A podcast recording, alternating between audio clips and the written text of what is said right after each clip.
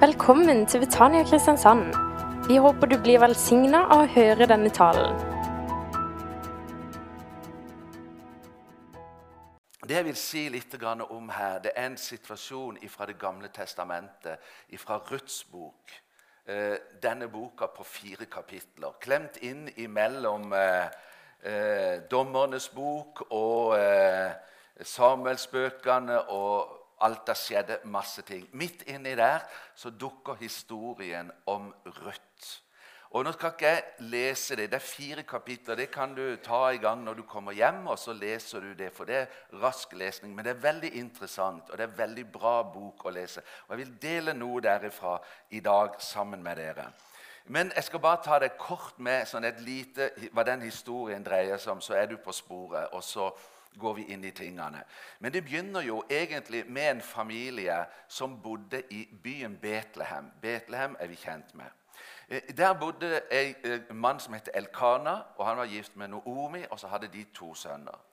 Og eh, De opplevde, de var egentlig velstående mennesker, og så skjer det at det kommer en hungersnød i Betlehem. Så rett og slett, de blir dreven på flukt. Og De bestemmer seg for å reise fra Betlehem. Det var vanskelig for mat, det var vanskelige forhold. Og de bestemmer seg for å reise til Moab. Og Jeg tror Moab ligger sånn inni Jordan et eller annet sted oppi der, i den retninga der. Litt sånn eh, øst for Dødehavet, oppi fjellområdene, så tror jeg du kommer i Moab. Så det er jo et lite stykke vandring fra Betlehem til Moab, eh, og der reiste de da. Og eh, og på en måte så kan vi si, Det er jo en familie som er flykta pga. hungersnød. Som opplever prøvelser, og de er fremmede i et annet land.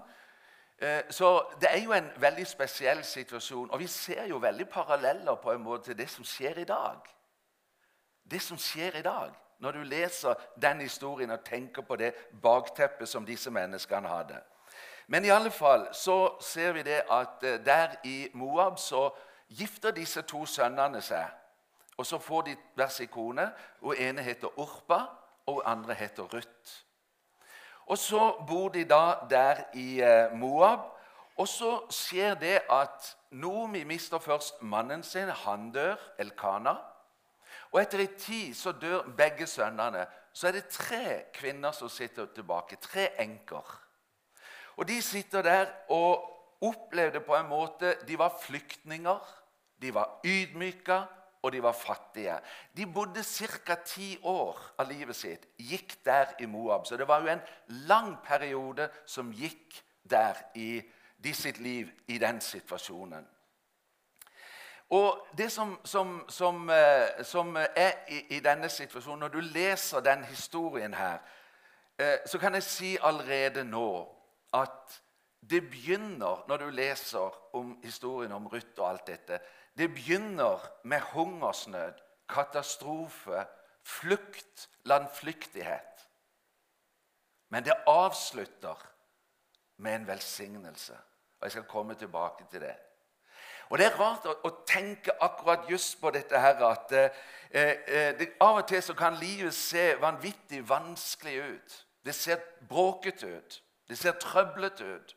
Det ser ut som ikke det i alle fall går på skinner på noen som helst måte. Vi opplever at eh, det er på en måte som at ja, Av og til så kan en stille spørsmål Gud, har du glemt meg? Når vi ser det som kommer på media, i TV og radio, og ikke minst de som vi kjenner som er fra Ukraina, og det arbeidet Britannia òg har vært en del av, så, videre, så, så er det klart at det er noen scener og en dramatikk som vi vanskelig kan forestille oss og sette oss inn i. Og en blir jo bare berørt. Og Da er det interessant å se også her i denne historien at det begynte katastrofalt for dem. De ble ydmyka, de ble kjørt, og de ble pressa ned. Og Mange ganger så kan vi tenke det at noen av de vitner så offensivt, og det går så bra, og det er så veldig. Og så tenker vi det. Hadde jeg bare hatt det som han, hadde jeg bare hatt det som de De skulle bare vite min situasjon, hvordan jeg har det. Og det er klart at Vi opplever ting forskjellig til forskjellige tider hvor vi er hen i livet. Men vi må aldri miste det perspektivet over oss at Gud er med. Gud er trofast. Gud er der gjennom alle tider, gjennom alle situasjoner, akkurat knytta opp til de sangene som hun allerede har eh, sunget. Og vi kan si at Gud han holdt en hånd over disse menneskene, over denne lille familien, som var seks, som var gått ned til, til, til, eller som var fem og gått ned til tre stykker. Så holdt Gud en hånd over det. Og når Gud har sagt han skal være med, så står han løpet ut. Han står løpet ut. For Gud er trofast, sier Bibelen. Han styrer ikke etter trender og bølger. Han styrer ikke etter mye eller lite folk. Men har Gud sagt at han er trofast, så er han trofast, for hans ord står til evig tid. Så vi ser altså at det som begynte som noe vanskelig, det ble vendt til noe godt. Og Av og til så kan det være godt å gjøre en bekjennelse. Du vet, Kirka har jo trosbekjennelsen. Av og til så tenker jeg vi kunne godt hatt en trosbekjennelse. Jeg tror på Jesus Kristus. Jeg tror på Den hellige ånd. Det er ikke så galt, egentlig.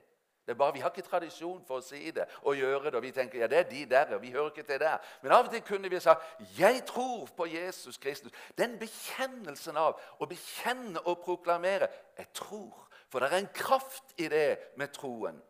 Og da er det en bekjennelse som kan være slik 'Jeg skjønner ikke livet'. Vi må jo være ærlige. Men jeg tror på Gud.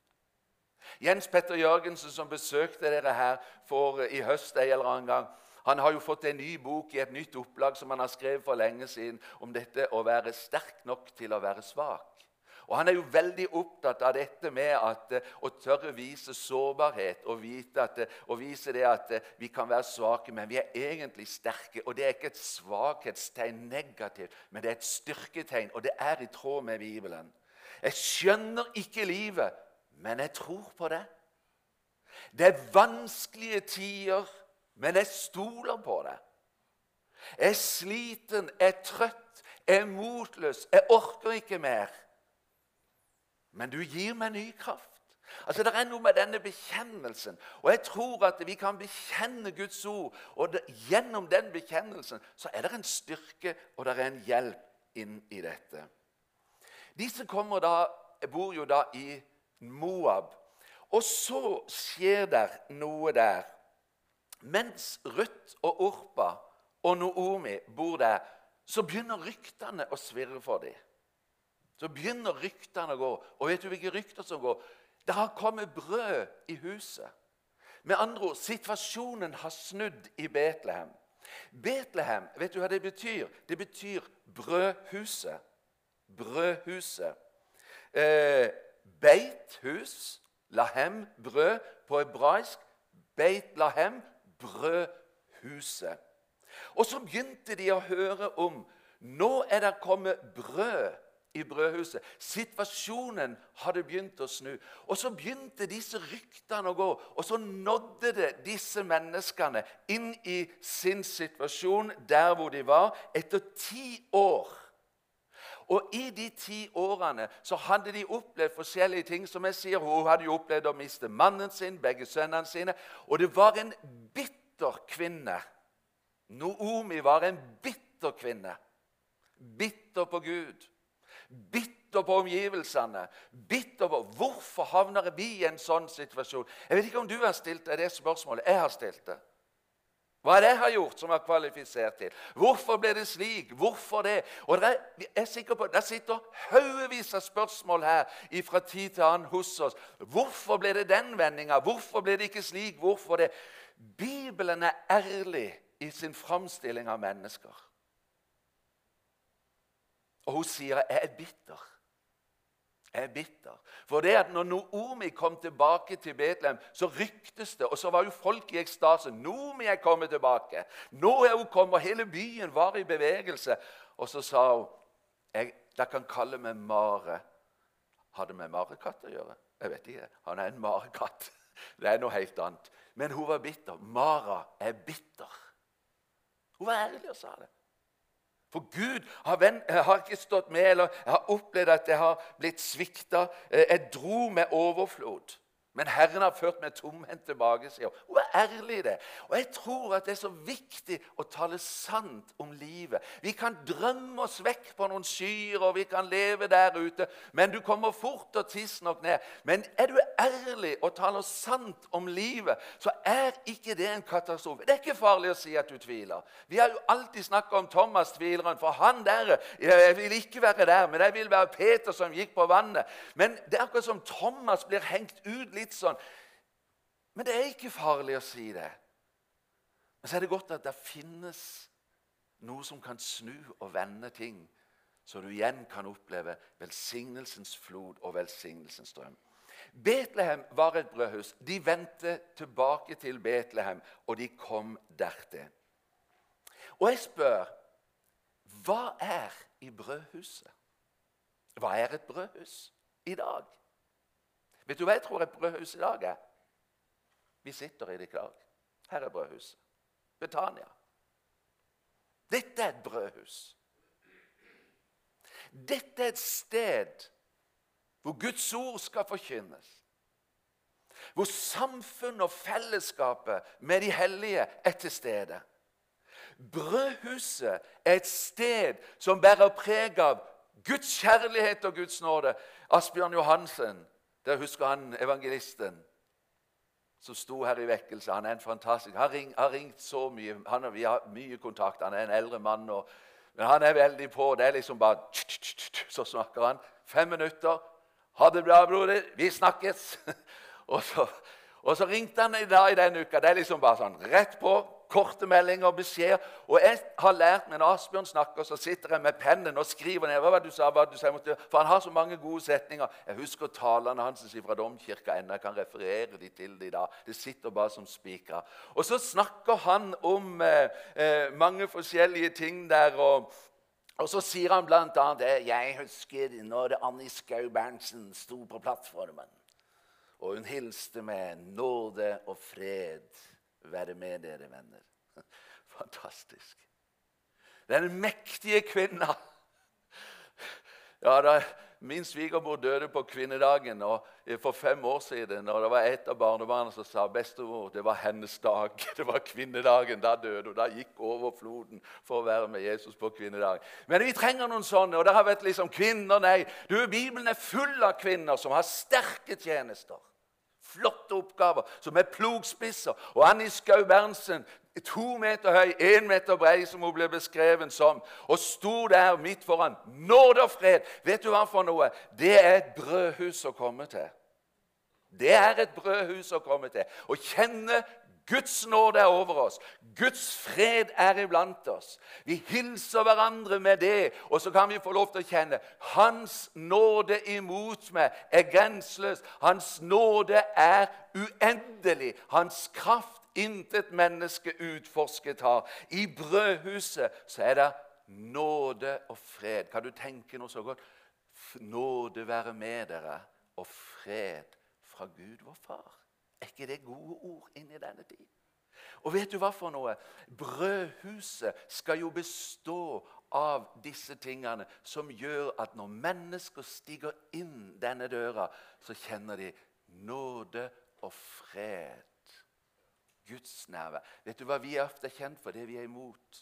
Det vi ikke liker. Jeg syns det er for lite av det, og så er det for mye av det, og så er det sånn, og så er det det, og så er det ikke tydelig, og så blir det, og så blir det en hel Et brødhus. Har du vært inne i et bakeri? Selvfølgelig har du jo det. Og hva er det du kjenner inni bakeriet. Du kjenner duften. Du kjenner lukta av nybakt brød, av boller og alt dette her. Og så bare kjenner du åh, Du kan liksom bare gå løs på alt som er der. Det er noe med den duften i bakeriet. Det er jo et brødhus av dimensjoner. Og når min bror drev opp i Hegebostad Konsmo og lagde brød, så kjørte jeg brød på fredagskveldene opp til butikkene og leverte. Og når jeg kom inn med brødkassa der på butikken, så kom de fra alle kanter. De kjente det på lukta, og de var nedi der og tok disse brødene. Og du kjenner det er en duft knytta opp til det med brød. Betania skal være et brødhus som dufter himmelen. Og så begynner du med nåde og fred. Det trenger vi over livet vårt. I et brødhus så finnes der kjærlighet. Hans kjærlighet er bunnløs. Siterte de i stad. Hans nåde er uendelig. Oppleve Guds kjærlighet. Hva er det de menneskene trenger som kommer til landet vårt i dag? Kjærlighet. Det er jo det de trenger. Opplever raushet. Mennesker som står på overalt for dem. Kjærlighet. Og Når folk kommer inn i brødhuset, så bærer det preg av en kjærlighetens atmosfære. Og så opplever vi at gjennom dette, i denne kjærlighetens atmosfære, så forkynnes Guds ord, og så leses Guds ord, og så virker Den hellige ånd. Og så skal jeg få litt hjelp av Sindre, og så setter du på litt musikk, og så skal vi høre noen ord. For i brødhuset, der lyder Guds ord. Kom fram, Sindre, og så setter du på litt musikk.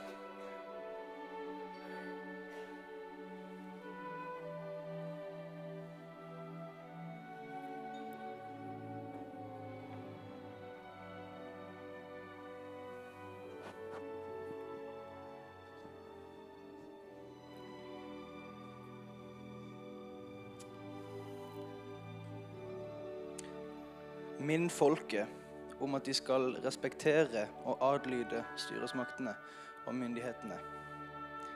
De skal alltid være villige og gjøre godt mot andre. Og de skal være fredelige, milde og vise stor tålmodighet mot alle mennesker. Og ingen skal snakke nedsettende til noen. Og vi har alle vært på feil spor i livet og gjort dumme ting.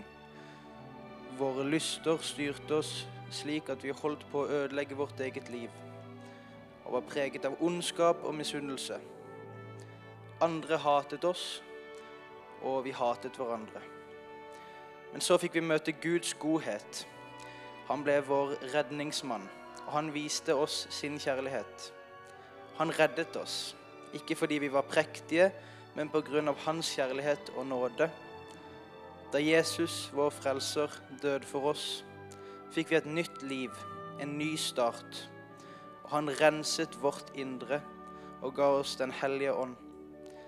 På grunn av det Jesus gjorde for oss, har han vasket oss rene. Og når Gud nå ser på oss, så ser han oss helt feilfrie. Derfor er vi blitt hans barn, og vi vil arve et evig liv. Dette håpet, det lever vi i.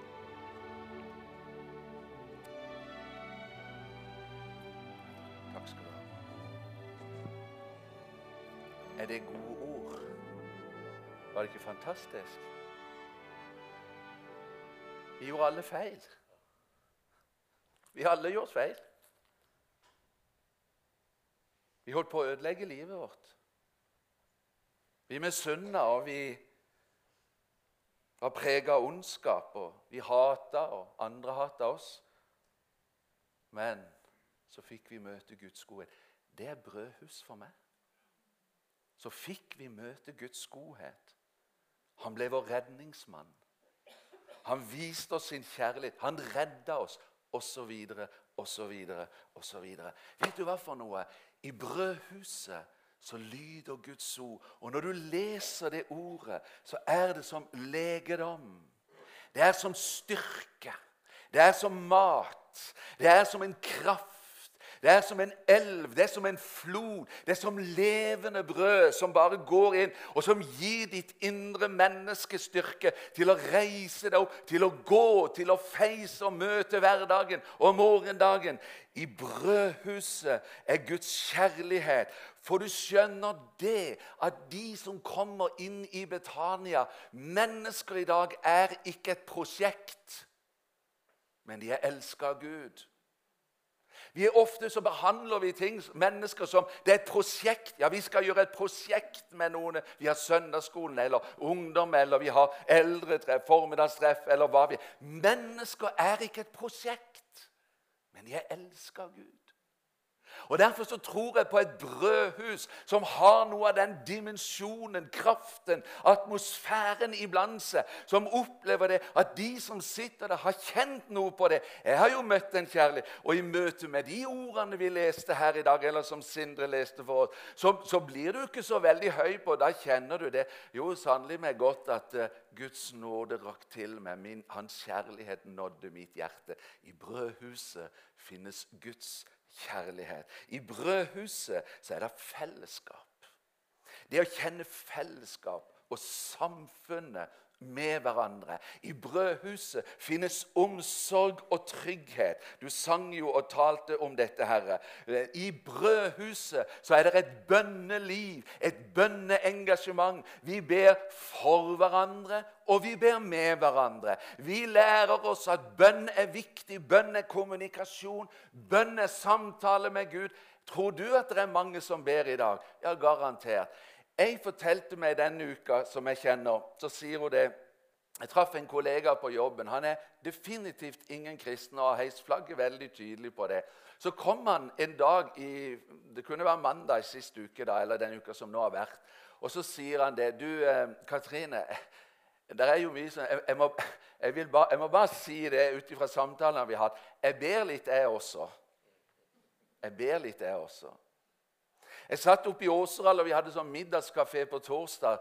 Så jeg sitter og prate med noen der, og så De er ikke kristne. og så sa hun ene der Er det den tredje verdenskrig? Er det endens tid som kommer nå? Det er jo det folk går og tenker på.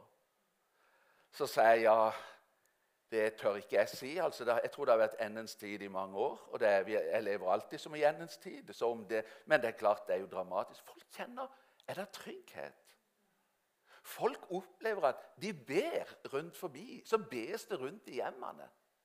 Og du skjønner, et brødhus bærer preg av bønnens ånd og bønnens atmosfære. Sånn at mennesker opplever at når de kommer inn i brødhuset, så er det et bønneliv, det er et bønneengasjement. Det er en bønnens ånd og atmosfære. Vi så på en film her med, med Brooklyn Tabernacle Choir i går sammen med Boggas venner. Og så de sto der og løfta sine hender og priste Gud. Og du kjente noe av bønnens ånd og atmosfære. Det gikk inn i rommet vårt, og det var spilt inn i 2018.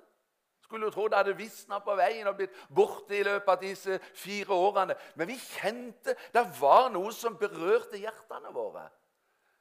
Raymond Johansen ble spurt.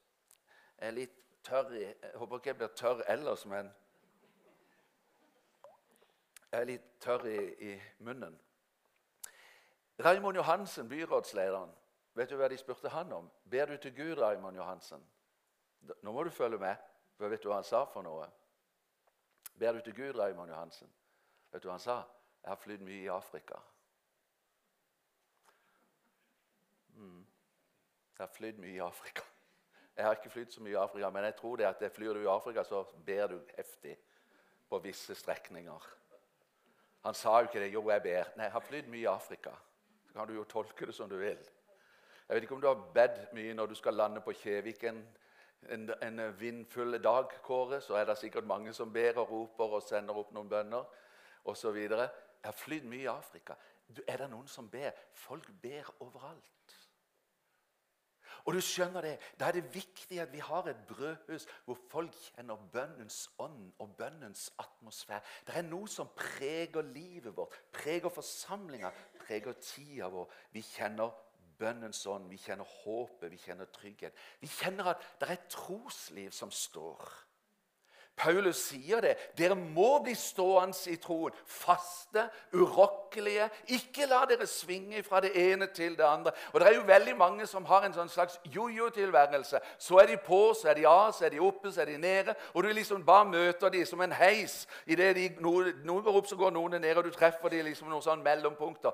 Men Bibelen snakker om at det, det handler om å stå grunnfesta, faste. Jeg tror på Jesus Kristus. Jeg har mine føtter på klippen. Jeg tror på Han som er himmelens og jordens skaper. Jeg tror på Jesus. Jeg skjønner ikke livet, men jeg tror på Han.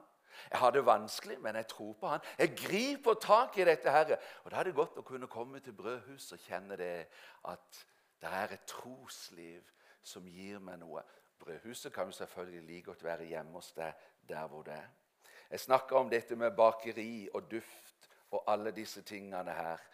Og det er klart at eh, når det er brød i huset, så begynner det jo å dufte. Det begynner jo å dufte. Hva er den beste måten å annonsere ting når ting begynner å skje?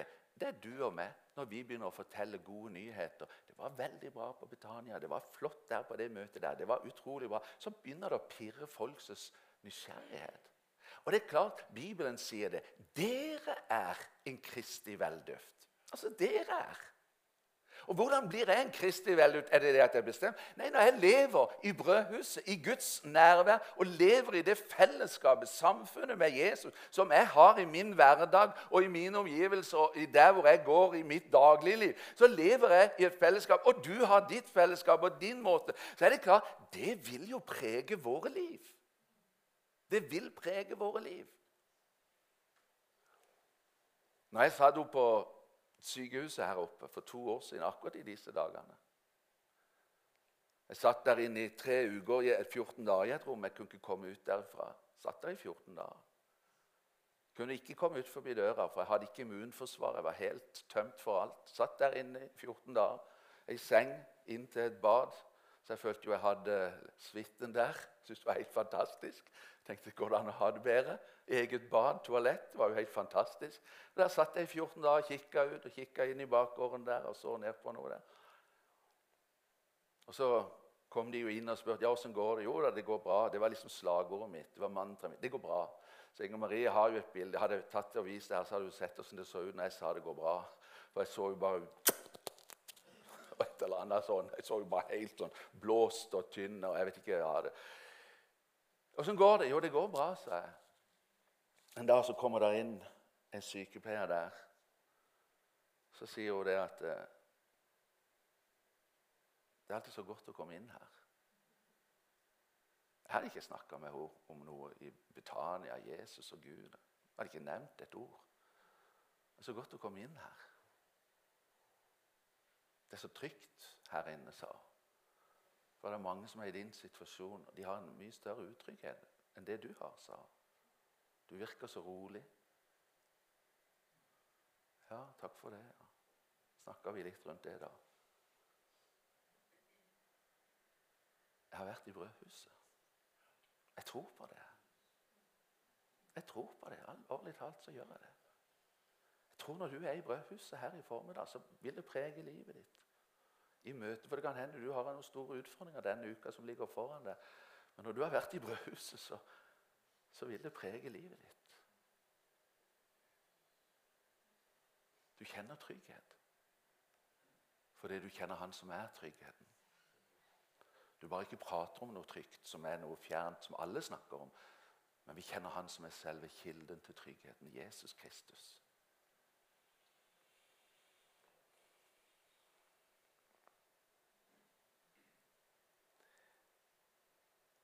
Når det er mat i huset, så kommer folk. Tror vi at Betania er et brødhus? Jeg tror det. Det er mange flyktninger i byen vår. Jeg snakker ikke om de som kommer fra Ukraina. Jeg snakker om alle de som har vært med gjennom alle årene. Dine barn, barnebarna dine, søsknene dine. Masse flyktninger som en dag reiste ut herifra, derifra, derifra, derifra. Jeg vet ikke om dere syns om det, men av og til jeg, jeg, hørte det ikke akkurat i dag, kanskje jeg var litt for tidlig her, men jeg syns det er litt fascinerende når kirkeklokka går i domkirka. Jeg gjør faktisk det. Vet du hva jeg tenker da? Det er et brødhus. De synger andre sanger enn det vi gjør. De har andre måter, de har en liturgi. De forkynner sikkert på en litt annen måte, men de forkynner det samme. Mennesker kommer fra forskjellige kanter. Det er brød i huset. Eller når de går inn i gata over her òg. Det er jo veldig bra at det går noen inn der òg. Ja, men er vi velsigna vel det? Klart vi gjør det. Eller i baptistkirka. Vi hadde innvielse oppe i Betania Åseral her, for vi har bygd ut og de har fornya lokalet ganske mye. Så gikk det et år pga. koronaen. Vi kunne ikke ha fest av det, så vi hadde den 4. desember. Og så det, kom det forskjellige hilsninger der, og så kom det opp ei dame som som ikke har gått på Betania og, og aldri vært der. Men det var blitt veldig sånn positiv. Hun er kristen. Hun er veldig sånn positiv til Betania, det arbeidet vi driver. Og Jeg ble overraska over hilsenen som hun kom med, for hun sa det. Det var så fint, sa hun en dag, en formiddag, når jeg gikk til kirka. Jeg skulle til gudstjeneste. Så så jeg det kom noen biler som gikk inn til bedehuset. Og så kom det noen biler som svingte inn til Betania. Og så møttes vi liksom i et knutepunkt der. Så gikk folk til forskjellige steder.